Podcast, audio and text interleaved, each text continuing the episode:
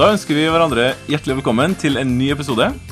Serien om kristen barneoppdragelse, hvor vi altså reflekterer omkring det som eh, jeg mener i er viktige ting å snakke om, eh, uten at vi nødvendigvis kommer med en fasitsvar på alt. Og dagens episode Jeg sånn, følte for å si ekstra det i dag, fordi at dagens episode legger opp til at vi ikke kommer til å snakke om alle aspekter og viktige ting omkring det. Men la oss gjøre et forsøk, i alle fall. Jeg skal presentere mer gjest om bitte men det som det altså skal handle om, er seksualitet, kropp, utvikling for et menneske, barn, og at vi har noen tanker fra Bibelen om det også, i en kristen setting. Eh, vi skal særlig omtale en bokserie som foreløpig bare er på engelsk, med navn 'Learning About Sex for the Christian Family' ganske unik i sitt slag. Eh, og så må vi si at det her er utfordrende ting å snakke om, fordi at eh, det er så nære ting og lett å si noe som eh, enten mistolkes eller eh, ikke sies nok om. Så send gjerne inn en melding eller et eller annet sånt i etterkant. Hvorfor sa dere det ikke det, eller Du kan jo ikke si sånn der. Det går ikke an. Så vær så god, vi tar med det, og så får vi se om vi tar det opp senere. Med en gjest har jeg Endre Stene. Velkommen, Endre. Takk for det. Vi samarbeider ganske mye, for vi sitter jo i redaksjon i foross.no. Stemmer, stemmer. Det er meg en glede. Ja, likeens. Um, men du må jo introdusere deg uh, sjøl. Eller, eh, ok, jeg skal spørre deg noen spørsmål uh, for å bli litt mer kjent med deg. Du bor i Namsos. Mm. Litt over 40 år. Mm. Stemmer. Gift med Edel. Mm. Og dere har Fire gutter. Fire gutter. Jeg skal ærlig innrømme at uh, jeg har jo tre gutter. okay. Så det er jo litt kjedelig uh, at, vi, at det ikke er noen jenter her, Ja. Det blir litt sånn som alt eh, på en måte. Det blir kjempebra for dem som har gutter og sønner. Eh, Men eh, vi, vi, vi skal ikke snakke om eh, gutter og jenter på den måten, altså. Men Er det noe mer interessant å si om deg? Nei, jeg tror kanskje ikke det. Jobber nå NLM og på Fjellheim. Fjellheim bibelskole. Mm, stemmer. Og har generelt mye bra tanker om det meste, egentlig. Såpass. Det var dine ord. Det var mine ord, det står jeg ved. Eh, ok. Kropp, seksualitet Hvordan eh, nå, nå spoler vi litt tilbake og litt så ut, på en måte. I samfunn, skole Kanskje også i våre kristne sammenhenger. Hvordan har det her sett ut, og hvordan har det utvikla seg over de siste årene? Og så kom vi jo til rette med, litt i forkant av denne samtalen her, at uh, ingen av oss som egentlig vet uh, sånn kjempemasse hard facts om det her. Men hvordan var det når du var ung, eksempel? Ja. Um, for min egen del kan jeg faktisk uh, egentlig ikke huske på at vi hadde så mye seksualundervisning på skolen. Kan det være det jeg har fortrengt det? Det har i hvert fall ikke gjort noe inntrykk på meg. Det var helt forferdelig Jeg, jeg, vokste jo, jeg hadde, gikk jo på, på barne- og ungdomsskole sånn på 80-tallet, liksom. Ja. Eh, men jeg kan ikke huske at det var, at det var så mye. Nei. Og Nei, da det- har du ikke fortrengt det? Eller? Nei, det gjorde i hvert fall ikke inntrykk. Nei, det gjorde ikke inntrykk, nei. Det, og det burde du gjort hvis det var der, tenker jeg. Ja, muligens. Det ville jo sikkert vært Jeg, tipp, jeg kan bare tenke meg at det var en eller annen time hvor læreren var- syntes det var litt kleint og bare gjorde det fort ferdig, tipper jeg. Ja, fortest mulig Jeg ferdig. tipper det. Ja, For det har jo endra seg Ja. til jeg begynte på skolen. Ja, du. En ti år etterpå eller noe sånt. Ja. Litt over det. Eh, vi hadde jo Det var jo bilder av nakne folk i naturfagsbøkene. Ja. Eh, alle syntes det var kleint, Ja. men eh, man så jo på det, liksom. Eh, og så hadde vi undervis... Eh, vi, ha, ja, vi hadde det litt som en del av naturfagsfaget, på en måte. Og så hadde vi helsesøster, som var ei dame. Det, det var mange og 90 av helsesøstre som er damer. Det må det være. Eh, og hun hadde vi jo da selvfølgelig eh, i en sånn delt time, hvor guttene var bare gutter, og jentene var bare jenter, eh, og snakka om de her tingene. Hadde ei dame i det Ja. for bare guttene. Kjempebra. Det var ironisk. Det var ironisk, ja. Ja. Og, men Så, så det har endra seg mye ifra deg til meg, en sånn halv generasjon, på en måte. Men i, i, til nå så er det jo en, en hel, det er jo en helt annen virkelighet. Ja, det er en eksplosjon i, i siste liksom, 10-15 årene på fokus og på trykk og på hva vi snakker om. Ja. Um, Uten å gå i detalj, eh, det vil jo ikke være mulig, rett og slett. Men, men det er jo overalt. Ja, jeg husker jo den, den trekantserien kom for noen år tilbake. Da, da var man jo veldig konkret, og det var beregna for ungdom. Ja. Og nå har vi jo tatt enda et steg lenger, eh, hvor man nå skal filme eh, på nrk.no og sende på nrk.no eh, par som har samleie, som en del av opplæring til ungdom, for å se hvordan i apostrof virkelig sex er i forhold til pornografi. ja. Så det sier jo noe om en utvikling som er helt massiv på, Den- på hva man kommuniserer også i skolesammenheng for barn. Ja. Ok. La oss reflektere litt omkring det. Er det Ok, jeg tror vi kan være enige om at uh, Jeg tror det er veldig kontroversielt i denne podkasten å si at uh, det har tatt av, Og at uh, det ikke er udelt uh, positivt, alt det her. En ting som jeg har tenkt på, er jo Det er sånn sånn rart på en måte å si det i det hele tatt. Uh, og det høres litt sånn Det her kommer til å bli, kan bli stempla som steinalder for. Men saken er at folk har jo klart å ha sex hele siden tidenes morgen. Ja, det har blitt mange barn. Det har blitt utrolig masse barn. Og, og du hadde jo et poeng med det her med seksuell frustrasjon. Ja, det er klart, det det er jo forferdelig mye å si om det her òg, som det ikke er plass for å snakke om kanskje om akkurat her nå, for det er ikke det temaet. Men, men forståelsen, av, se- forståelsen av seksualitet har utvikla seg mye. Eh, og det er mye som er positivt også. Ja, Eh, riktig. og som vi kanskje kommer litt inn på senere også, men eh, det er jo positivt at man kan gi rom for seksualitet som noe positivt å bygge inn det. Og kan snakke om sette ord på det, det og ikke fortrenge det som noe som vi ikke vil vedkjenne oss. Mm. Det er positivt at også det har skjedd i kristen sammenheng. Ja, for det har det. Det har det gjort. Men på samme tid så kan man spørre seg i vår kultur, hvor man vet så mye om seksualitet, mer enn noensinne før, og har så mye med kunnskap og forskning inn som noen gang før. Likevel så er vi, har det kanskje sjelden vært så mye seksuell frustrasjon som i vår tid. Så det er ikke nødvendigvis en sammenheng mellom mye kunnskap Mm. og eh, god seksualitet. Nei. Så jeg spør meg av og til hvor mye trenger man egentlig vite? da? Det er ikke sikkert det er egentlig nødvendig å vite så mye. Spørsmålet er bare hvordan, snak men hvordan snakker vi om dette? Mm. Saken i vår tid er jo at dette temaet er jo uansett så mye omtalt og så mye omsnakka at vi på en eller annen måte må forholde oss til at sånn er det. Ja. Og da blir det et spørsmål for oss som kristne foreldre hvordan eh, gir vi barna våre en forståelse av hva som er god seksualitet, og lærer å manøvrere her i den jungelen av, av sexfokus. Ja, og det skal vi komme litt mer inn på, da. Og så er det jo et poeng det at eh, OK, kjempelenge siden, hvor man ikke visste noe særlig av hva det her egentlig var for noe. Opplagt at det slo skeivt ut for en del, og at det ble vanskelig av det. Men samtidig, det, var, det er jo noe Altså, det er jo noe kjedelig med det, hvis du egentlig veit alt før du går inn i det. Nå skal ikke jeg øh, påstå at jeg har veldig mye kunnskap, men, men jeg, mitt inntrykk er jo at der- der bildet, det- det- At man tegner et bilde av at i gamle dager så var eh, seksualitet så veldig eh, fortrengt og, og, og så veldig nytelse så, så, så, så mangelfullt på nytelse, tror jeg egentlig er en, en misforståelse. Jeg tror det var mye god seksualitet, også det kunnskapen var liten. Mm. Men man, den, men man ga den en ramme og en trygghet og en tillit som jeg tror er grunnleggende for seksualiteten for, for å utvikle og vokse. Bare som en lite sidespor. Ja. Jødedommen snakker positivt om seksualitet på en tydeligere måte enn hva protestantismen gjør. Mm. Løfter dette fram og gir den en veldig god plass, men det er ikke noe at de snakker forferdelig masse om det.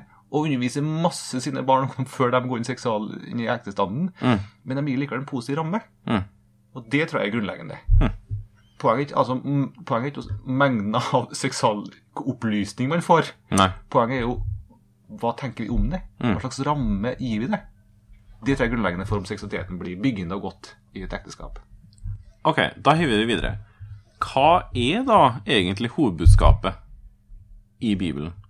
Altså, hvor kommer vi fra, på en måte, når vi skal snakke om eh, kropp og seksualitet på en god måte? For hvis en skal En kan jo vri og vende hva en vil til eh, i en barneoppdragelse også, men vi ønsker jo at det skal ha en rot i Bibelen og det budskapet som er det. Det grunnleggende tenker jeg er å si at seksualiteten er noe som er skapt av Gud, som er gitt til mennesket eh, som noe av det Jeg vil si noe av det vakreste som Gud har skapt. Mm. Eh, som en kjærlighetsgjerning fra Han. Som noe som han vedkjenner seg fullt og helt. Like mye som jeg har en finger som han har skapt, og som han vedkjenner seg, så har han også skapt meg som et, som et vesen med seksualitet. Mm. Og det vedkjenner han seg fullt og helt. Mm. Og det handler ikke bare om kjønnsorganet og det fysiske, men også ja, skal lystene og drifte, Yes. på en måte, og Alt dette er jo planta ned i meg fra skapelsen av, som noe som er godt og byggende. Det er det viktigste å si, Ja, tenker jeg. det har ikke alltid vært sagt i kristne Nei, det har ikke alltid sagt. Helt opplagt. Men det sier vi her. det sier jeg. Det er fantastisk. Og det, og, det, og det er klart at, at eh, mye i kirkens historie har man fortrengt dette, fordi man, man, man, man forsto ikke at lysta i seg sjøl er ikke galt. Mm. Det kunne være byggende. Bibelen også omtaler jo også lysta på en positiv måte. Ja. Ehm, det er nok f.eks. å se i en, i en salme 45, som er en, en, en eh, salme om, om kongens brud, hvor, hvor det er tydelig at det er et uttrykk for også et avbilde på noe større, på, på, på Kristus og menigheten, og, hvordan, og hvordan kongen ser med lyst og med begjær Mm. på sin dronning og sin kjære, Mm. for eksempel. Mm. Så Bibelen vedkjenner seg av dette. Nettopp. Men så må vi også si det andre, som Bibelen også sier.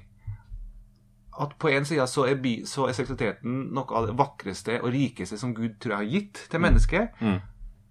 Og, som, så, og som et uttrykk for, for Guds kjærlighet, type sett. Der Guds kjærlighet kanskje tydeligst kommer til uttrykk, i hvert fall i, i, hvert fall i mellommenneskelige relasjoner, kanskje si. Kanskje drist og si, men kanskje si det så sterkt.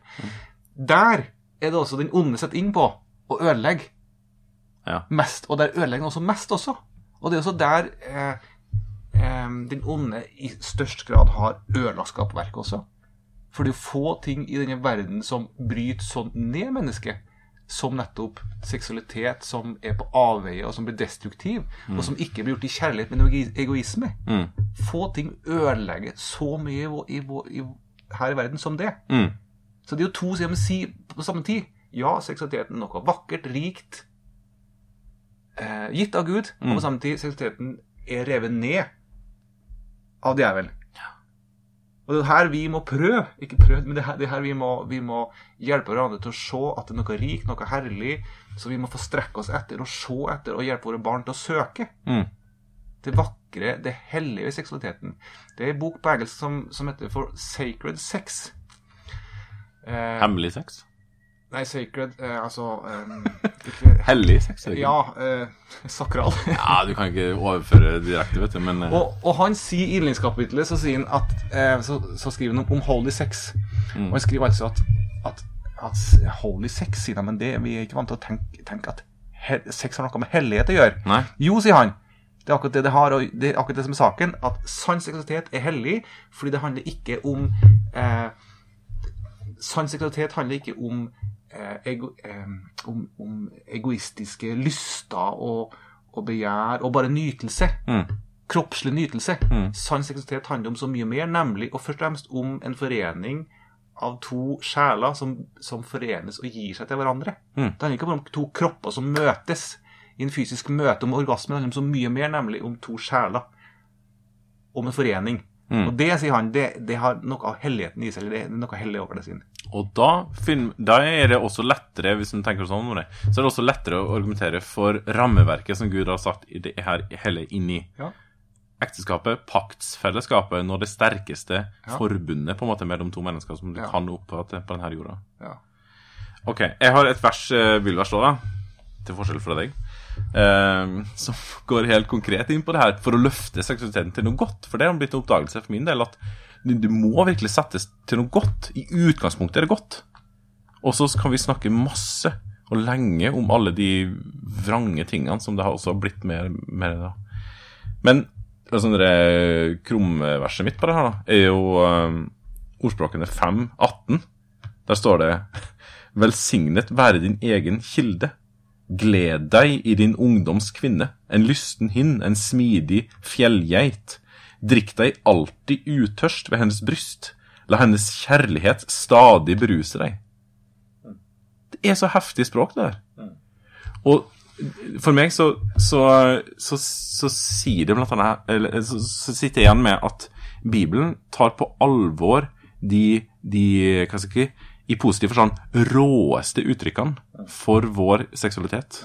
Den, den favnes i Bibelens språkbruk, som du hørte her, eh, men også i, i Bibelens referanseramme. på en måte. Da. Det her, altså, Hvordan i all verden skal du tolke det her hvis det ikke handler om orgasme? Det, handler Det om- også. Ja, det også. Mer enn det. Men det handler også om det. Ja. Og det er ganske heftig. Ganske sjeldent, Ja. på en måte, i våre kristne sammenhenger. Naturlig nok. Du skal jo ikke utblåse det overalt. Men eh, ja, det er heftige greier, altså. Ja, og dette skal vi vedkjenne oss.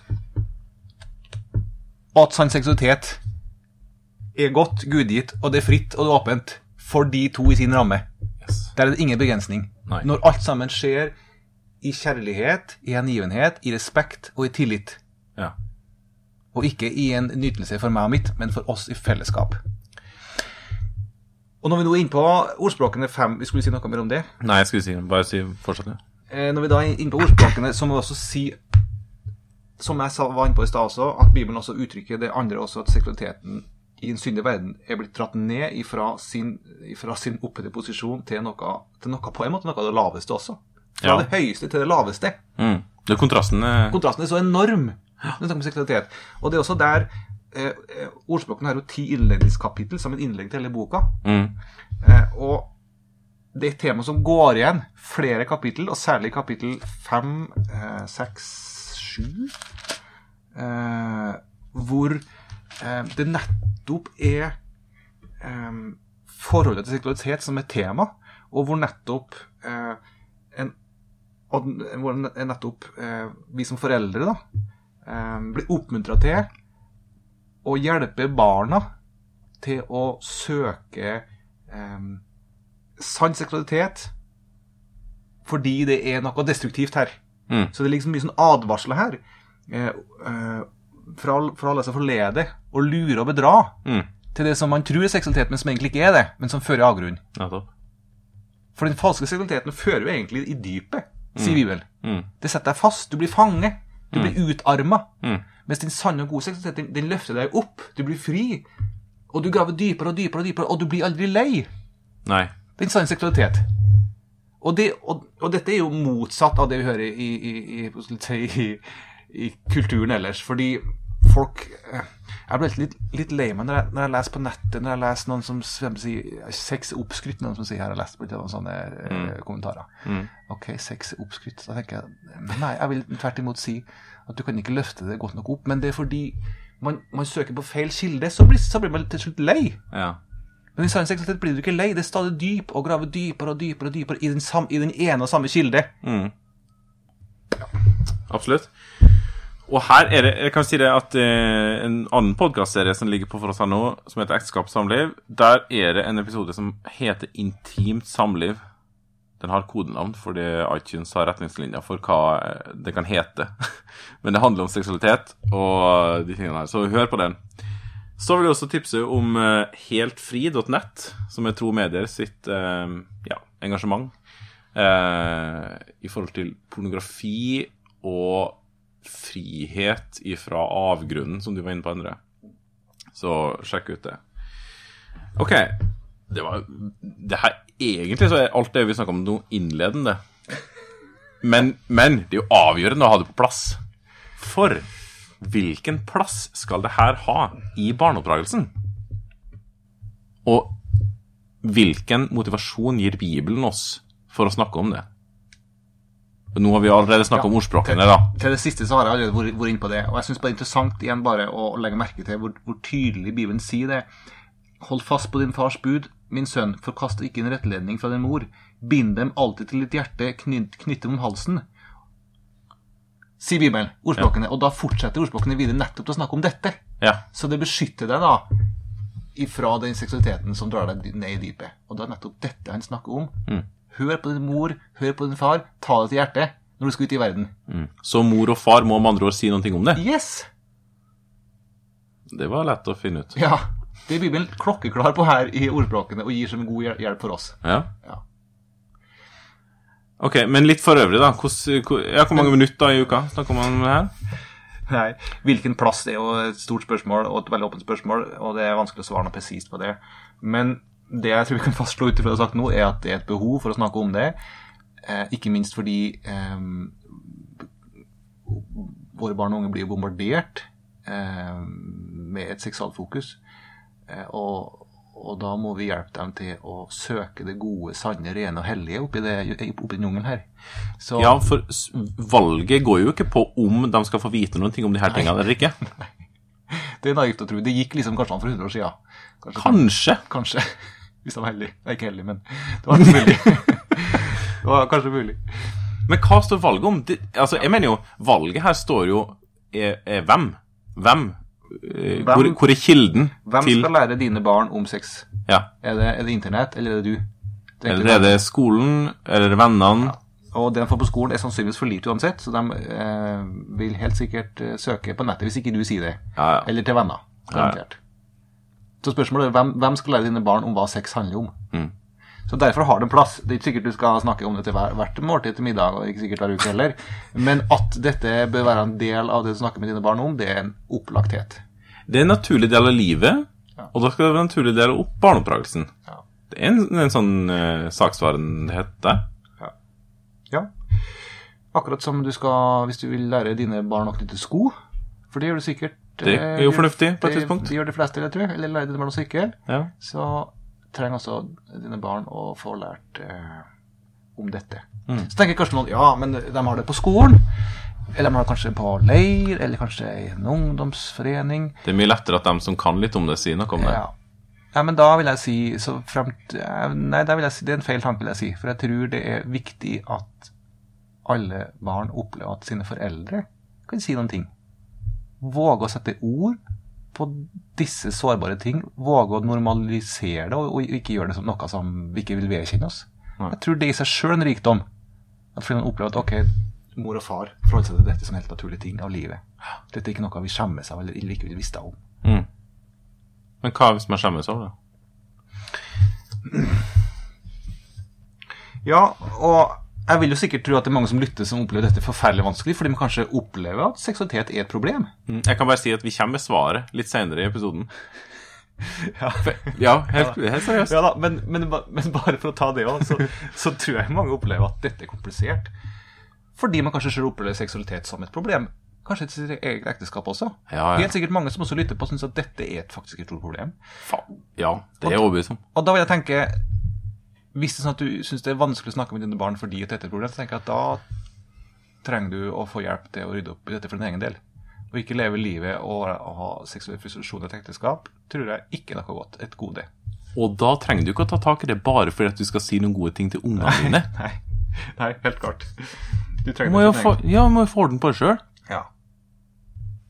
Et godt samliv Jeg vet ikke om jeg kan si det etter men et godt samliv tror jeg jo på en eller annen måte Et godt samliv En konsekvens av et godt, samliv tror jeg altså et godt seksualliv. Eller jeg vet ikke hvordan veien går her, men det, er et samspill her, da. Ja, det er helt klart. Ja.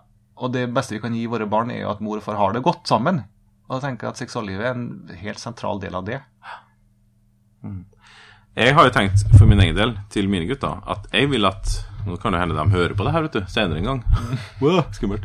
Eh, jeg vil at de skal komme til meg og vite at jeg vet om de her tingene her. Det er ikke vennene deres som de skal gå til da, men det er jeg som, som Altså, de kommer til å gjøre det òg, selvfølgelig. Men eh, de, de skal ha en trygghet på at pappa eh, kan snakke om de tingene her, og pappa veit hva det er for noe. Ja, og, og, da, og da tror jeg det er så viktig at, at du vet å si så veldig mye heller. Det er ikke sikkert du skal visste alt, og, skal, men bare det at pappa sier noen ting. Ja, At pappa våger å si noen ting, det i seg sjøl til en verdi. Og så kan pappa kanskje hjelpe gutten til, hvis han syns det er vanskelig å si noen ting, til å lese noe på egen hånd. Eller i hvert fall, i hvert fall pappa har sette ord på det, tror jeg det er så viktig for barnet. mm. Eller mamma, Eller mamma. når det er snakk om jente. Og jeg tror det er en fordel at pappa snakker med pappa, og mamma snakker med dattera. Sønnene snakker med pappa, ja. Og Ja. dattera med Ja. mor. Mm. Nå har jeg jo jeg, jeg ingen jente, så jeg har ikke akkurat prøvd det men jeg tenker at det Nei, Det jeg tror det er viktig med begge deler. Men jeg tror hoved, eh, hovedpersonen å forholde seg til skal være samme kjønn. Men jeg tror det er avgjørende å høre det ifra mamma for en gutt, og fra pappa for ei jente også. Det tror jeg er veldig viktig. Og så må vi selvfølgelig også si noe om, at, om de utfordringene selvfølgelig internett gir for unge mennesker i vår tid. Så lenge man har tilgang på en PC og mobil, eller mobil, smartmobil, Ja. så er det opplagt at enhver Smartmobil, faktisk. smartmobil, enhver eh, ungdom på et eller annet tidspunkt kommer til å søke opp det mørkeste som er der, hvis man ikke får hjelp til det. Ja, og statistikken eh, viser jo at eh, det, du blir bare yngre og yngre Yngre og yngre. når du, første gang du blir eh, kom, Ja, ser det. Og jeg tenker, har jeg sjøl vært ung i dag, Mm. Og ingen har snakka med meg, så er det opplagt at jeg sjøl har vært på pornografi. Ja, ja. Det er helt opplagt. ja. Hvis ingen har fortalt meg hvordan skal du manøvrere dette, er dette bra, og, og prøvd meg og, og hjulpet meg til å forstå mine egne følelser, min egen lyst og alt jeg sjøl som vekkes i meg, Mm. klart det. Men uh, det her er jo Altså, hva da når de tråkker over, da? Uh, det her er jo eh, både i forhold til pornografi, men også seinere, når de blir eldre, at de begår seksuelle synder. Skal, hva, skal man si noe om det? Eller selvfølgelig skal vi det. Jeg har et svar her, men eh, jeg spør deg likevel. Ja. ja, alle sammen eh, feller vi jo. Også i tanker. Så alle sammen er jo på en måte på, i samme båt. Jesus setter oss i samme båt, alle sammen. Mm. Bare den som ser på en kvinne for begjæret har alltid drevet et hor med sitt hjerte, sier Jesus. Så vi er jo akkurat i samme båten i forhold til Gud. Mm. Eh, samtidig så er også Bibelen tydelig på at seksuell synd i utført handling Mm. eh, skader oss mer. Ja, det står noen ting om det i første gang det ble sex. Ja, det, det får noen skade på vårt sjelsliv på, på, på en dypere måte enn annen type synd. Mm. Det er ikke at det er verre i forhold til Gud, men det skader oss mer, og det er også et element her. At vi trenger desto mer hjelp og beskyttelse. Og det ser vi jo i samfunnet. Ja, Det er jo det vi har snakka om tidligere. Det er det vi gjør. Så i møte med ungdom som også kjenner på at seksualiteten våkner opp, og det er mye følelser, og det er mange ting her, eh, så trenger de også hjelp til også å forstå hva det som ikke er synd her. Hva, hva, hva det som er legitimt? Hva, Ja. Hvil, hvilke følelser kan jeg vedkjenne meg her? Mm. Det er ikke sånn at enhver lyst, eller at man ser på noen og føler at oi, der var det noe som vekket hos meg. Det er ikke i seg sjøl som er galt. Spørsmålet er hva gjør jeg med, det, med dette? Ja.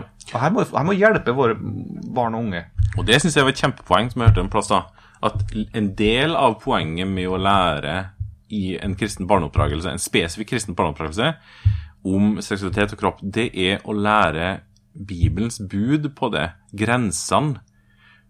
Ikke for å unngå plent at de begår seksuelle synder, for det kjenner de til å gjøre. Sånn som vi alle gjør. Men eh, faktisk for å vite at man har trådt over en grense, og hvor grensa går hen. Det, hvordan kan du bekjenne synda di hvis du ikke veit hva synda er? Eller hvordan den ser ut, da. Eh, og andre om- poenget til det som du nevnte på, at eh, det er ikke alt som skal bekjennes som synd. Og det er viktig å vedkjenne seg sin menneskelighet, også i seksualiteten. Det er ikke synd å være se eh, seksuell, holdt jeg på å si. Eh, og, og der, oi, oi, oi, her, eh, her har det vært eh, mye vrangt opp igjennom, det er jeg ganske sikker på. Skyld og skam, den grenseoppgangen der, er jo veldig komplisert for oss i det her landskapet. Og så må vi gjerne si at når, som- du sier også, definere altså når er det synd, når, når, når begås grensene, og, og da mm. Når vi trer inn på det området som Gud ikke har sagt jeg skal tre inn i. Eh, og da tenker jeg det er to ting som vi må løfte fram for våre, våre unger. Det, det ene er å leve i lyset med mitt liv. Mm. er ikke noen ting var skjult Mm. for Jesus. Den som lever i lyset, får rense alt. Mm. Vi kaldt, ikke til å leve i mørket. Ikke, ikke det minste krok hos meg skal være i mørket, men alt skal være lyset med. Mm. Um, så det må vi først og fremst hjelpe våre barn til. Leve i lyset med alt. Og det som, det som er i lyset, blir alltid rensa. Og, og i noen tilfeller kan det også være godt for en som strever med noen ting, Mm. også snakke med et annet menneske. Nettopp for å leve i lyset. Mm. For å få For å oppleve at uh, Å få rensa alle ting. Det Ja. Det jo det, det, Og det andre, da. Er jo at vi også må få holde fram for våre barn at, og unge at uh, det som gir kraften til å leve rent, Mm. det er jo evangeliet og tilgivelsen. Mm. At også den synd som en skammer seg av, eller som en skulle ønske at ingen så, den blir jo ikke overvunnet om jeg holder meg sjøl fast eller, eller tvinger meg. Men den, blir, den, blir, den, den, den mister makta over seg idet jeg anser den som død og begravet, Mm. tilgitt og borte. Mm.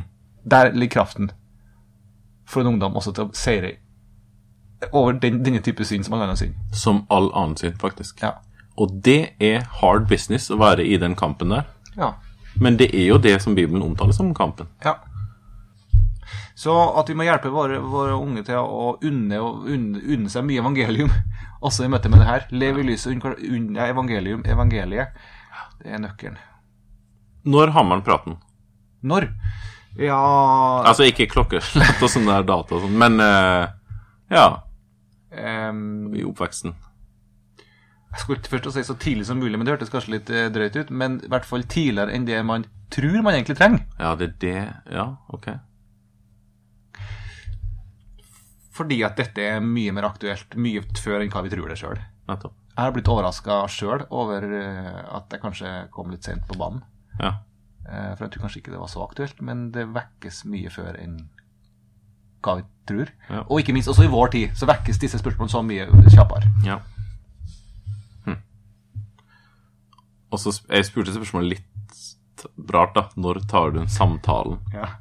For eh, min Jeg har jo en liten kjepphest i det her, da. At eh, Eller ikke kjepphest, men en ting å si. At eh, å tro at man har samtale én i bestemt form entall, det Det er bare å legge på Legge nårene på, altså. For dette Det her igjen, naturligheten eh, Hvis man snakker om det helt fra vi er små, da unngår det, det betyr ikke at det ikke blir flaut å snakke om det når man er 15 år med mamma eller pappa, men du legger en helt annen grunnvoll for eh, vanlighet. Ja, Og så et moment her til at, at uh, ungene er jo en utvikling. Så Ja, det, så det du, nye ting skjer. Det du sier som sjuåring, er noe helt annet det du sier som tiåring, og du sier som 13-åring og 17-åring. Og her Og så er det ikke sånn at alle sjuåringer tenker helt likt, heller, vet du. Neida. Det er jo forferdelig tungvint her. Ja. Du kan ikke ha oppskriften, liksom. Så det, det betyr jo at du må jo legge opp til samtale flere ganger. Ja. Eh, og helst i en naturlig setting, selvfølgelig, og hvor ting ligger naturlig til rette for det. ja. Så langt som mulig. Den her, eh, nå skal vi sette oss ned her og snakke om uh, temaet som vi aldri har snakka om før, med 14-åringen. Ja, det kan sikkert bli litt kleint. Ja, det er jo Men- et par ting som tilsier Men om du ikke har gjort det før Da skal du gjøre det. Du gjør det i hvert fall når du er 14 år, hvis du ikke har gjort det før. Ja, Så begynn i hvert fall. Og så kan du ta for 14 og utover. Ja. På i hvert fall at det er ikke for seint. ja, alt er bedre enn ingenting her. Alt er bedre enn ingenting. Og nesten sånn at hva som helst er bedre enn ingenting òg. Ja, jeg vil tenke det. Ja, jeg vil tenke det. Og, og også hvis du føler at vet du hva, jeg har ikke så mye å si, men jeg vil bare si noe, så det er bra. Ja. Ja. Jeg er glad for det lille mamma og pappa sa. Ikke utleverende å si at de sa ikke veldig mye. Nei, Nei jeg, min far hadde ikke noen samtaler med meg, Nei, eh, sant? men har nå berga likevel. Utrolig nok. Men du, nå kommer svaret. Det store svaret. Yes, det var det. Nå skal du komme tilbake til det du begynte med. Yes. Ja. For vi har jo tidenes verktøy til å snakke om det her. Mm. Både med dem som er av de minste, til helt opp til eh, så lenge du har dem i huset, holdt jeg på å si. Nesten, ja. Og det er jo bokserien Endre, som du tipsa om, faktisk. Mm. Den er enda bare på engelsk. Det heter 'Learning About Sex for the Christian Family'. Um, første utgave kom i 1982, hvis jeg ikke tar feil. Etter det skal det komme iallfall seks revideringer. Oppdateringer på innhold og sånne ting. Og vi jobber, folkens. Hør på det her. Vi jobber med å få den på norsk. Det kan hende at det kommer langt, prosjektet her, når denne podkasten kommer på lufta. Og Med mange samarbeidspartnere på Ja, få det ut dit. Ja, for all del. Men det, det blir så bra, altså. Men poenget er at det her er altså en bokserie. Ehm, på en måte så kan du si at det er Ja, det er elleve bøker totalt. Det er ei foreldrebok. Så, så det er utenom den foreldreboka så er det fem bøker for jenter og fem for gutter. Som er så å si identisk. Ja. Bare litt justert, teksten. Ja, den, den, du, du ser det fra gutteperspektiv og fra jenteperspektiv. men det er litt det. Men jo, men det er litt forskjellig selvfølgelig i forhold til anatomi og sånne ting når du Ja. kommer opp i ungdomsalder. sånn. Og så er tematikken litt annerledes. For eksempel eh, jenteboka, så er det ganske mye mer sånn Du kjenner igjen problemstillingene for ei jente. Sel Selv om du kommer opp i alder, så er det nok større forskjeller i starten, i hvert fall. Ja, det er riktig. Men så er det altså eh, fem bøker, og de er fem fordi at de er inndelt på alder. Og det er interessant, de justerte faktisk I forrige revidering så justerte de ned alderen. Det som før var fire til seks-boka, er nå tre til fem-boka. Og det er rett og slett fordi at de ser det som vi har snakka om en del i dag, at, eh, at ting kommer tidligere på. rett og slett. Så første boka, det er den jeg har brukt mest av, det er jo mer som en klassisk pekebok. Eh, masse bilder, litt tekst. Eh, snakke om familie, snakke om at Gud har skapt oss. Eh, at vi er skapt forskjellig, men vi er nå ganske like likevel, da. Det er ett nakenbilde, sånn klassisk eh, jente og gutt i framantifra. Skal man snakke litt om kjønnsorganene og forskjeller og likhet og sånne ting. Eh, veldig ok, altså. Og så, så bygger det på seg, da. Litt mindre bilder, litt mer fortelling i neste. Og så derifra oppover så er det vel egentlig mer tenkt at en skal lese sjøl. Ja. Dette er i hvert fall en veldig god hjelp, for jeg syns det er vanskelig i hvert fall å, snakke også. Her får du det i hendene. Det er veldig god hjelp til den som syns det er lett Også, Ja, den for så vidt også. Og det er i hvert fall en god inngang Ja. til å snakke også. Eh, og jeg tenker jo at det, er jo, det beste i hvert fall når ungene er store, at man kan bruke egne ord, egne erfaringer, og ikke bare lese fra en bok, for det er virkelig upersonlig. Det er kanskje riktig. Men, eh, men i hvert fall, det er i hvert fall en god hjelp til å komme i gang, og komme i gang med tematikken. Eh, og jeg syns det som er fint med bokserien, er at, at man snakker ikke bare liksom om, om, om, om sex sånn, men jeg opplever at særlig de første bøkene er også opptatt av å snakke om identitet. Ja. Om, eh, om hvem jeg er som menneske, og, og, og prøve å bygge eh, sjølrespekt Mm. på en god måte. Og, Ja. og, og også definere kjønn. Kjønns... Eh, som, som, som at jeg er gutt, og jeg er jente, eller du er jente. Eller noe. Mm. Og, og, og definere kjønn er så viktig i vår tid, hvor, hvor, kjønns, hvor man, eh, man prøver å ta vekk kjønn som en, også en, en, en størrelse. Veldig viktig. Så jeg opplever at det, det er mange element i bøkene som er veldig fine for å, å hjelpe våre barn til å forstå seg sjøl i denne verden. Er det en stereotypi Ja, hjelpe meg. Er det en stereotyp Typ?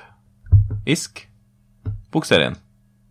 Nå er vi inne på et felt som er minefelt i iallfall norsk kultur eh, Eller norsk Ja, i norsk kultur. Eh, forskjeller på mellom eh, mann og kvinne, jente og gutt. Hva legger vi opp til? Kristen sammenheng, masse greier. Hvordan er bokserien på det? Jeg opplever at man eh, gir både gutt og jente eh, og tar på alvor at både gutt og jente har like mye verdi og like mye muligheter og like mye evner, og, og tar på alvor dette fullt og helt. Ja. Samtidig som man sier at det er noe som heter for gutt, noe som heter for jente. Det kommer vi ikke utenom. Nei, Eh, og løfter fram det som en fin, må- på en fin måte. det opplever jeg òg. Ja. Godt sagt. Eh, har du noe annet å si om eh, den? Hvordan har dere brukt det? Nei, ja Altså, så, Sånn som du sier, egentlig. Jeg har ikke mer å si egentlig om det. Men Det som er litt vanskelig, er jo at det, til nå så er det bare på engelsk. Så det, Ja. det er på en måte de yngste det passer best til, for dem kan du lese for Eller dem må du lese for uansett. Ja, det jeg opplevde selv var jo at når jeg skulle begynne, å bli stor, så begynner jeg å lese på engelsk og skal oversette norsk, men de, de forstår jo etter hvert engelsk bedre enn meg, så det ble litt sånn OK, hvem er egentlig som skal lese her? Er det, dem eller er det meg? Hvem skal oversette her? Men forhåpentligvis så blir det altså ikke en problemstilling lenger. Nei. Vi håper at det kommer på norsk. Og det, vet du hva? det kommer til å være av de ytterst få i verden sammenheng verktøy på dette området. Og, og også et veldig godt verktøy. Ja. Det er fagfolk som har gått sammen på en måte om å skrive det her. Og, ja. Veiledning fra gutt og jente.no, som også er et godt nettsted å bruke om sånne her type ting. Det er Mitt inntrykk er at det er samme lesten eh, veiledninga går over i de bøkene her, som du får på det nettstedet. Det er jo norsk nettsted. Eh, Endre, tusen takk for en bra samtale til nå, men vi har litt igjen. Frispark. Vær så god. For det blir veldig kort. Å å ja. Ja, vi snakka så lenge. Får du så kort frispark? Ja, kjør på. Du kan si veldig mye om det, da, men jeg, tenker, jeg har tenkt som så at det viktigste for mine barn er at eh, Elin og meg har det godt sammen. At det er en god atmosfære i hjemmet. Nettopp. At vi har et samspill. Mm. At vi ikke drar hver vår retning, men tenker sammen og jobber sammen, og, og at de ser at vi er glad i hverandre. Mm. Det tenker jeg er det viktigste for et barn. Nettopp. Ok, og så neste spørsmål, da.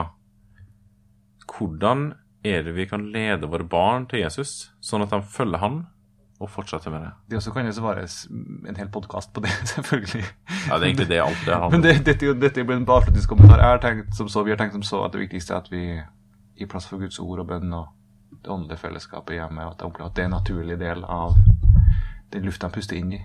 Ja. Like mye som vi I har Liksom. I heimen, like mye som vi, får mat, så leser vi ord og vi ber, og både i fellesskap, alle sammen. At de ser at jeg leser og ber, og at vi leser med dem om kvelden, har vi gjort, og ber og lærer dem sjøl å be. Mm. Det å være kristen det er ikke noe vi er på et møte, men det, det, dette er livet vårt. Ja. At de opplever og ser det og drar inn den lufta. Mm. Sånn har jeg tenkt. Sånn at det lukter kristenmann. Ja. At, at Jesus bor midt iblant oss. Og han kommer jo til der Guds ord, og der vi, der vi leser Guds ord, og der vi ber. Ja. Mer vil tilføre på dagens eh, Nå har vi snakka så mye at nå tror jeg vi må runde av, eh, Eivind. Ja. Men da sier vi rett og slett eh, tusen takk for nå. Og lykke til også i de tingene her i uka som kommer, som eh, fedre og mødre. Virkelig lykke til.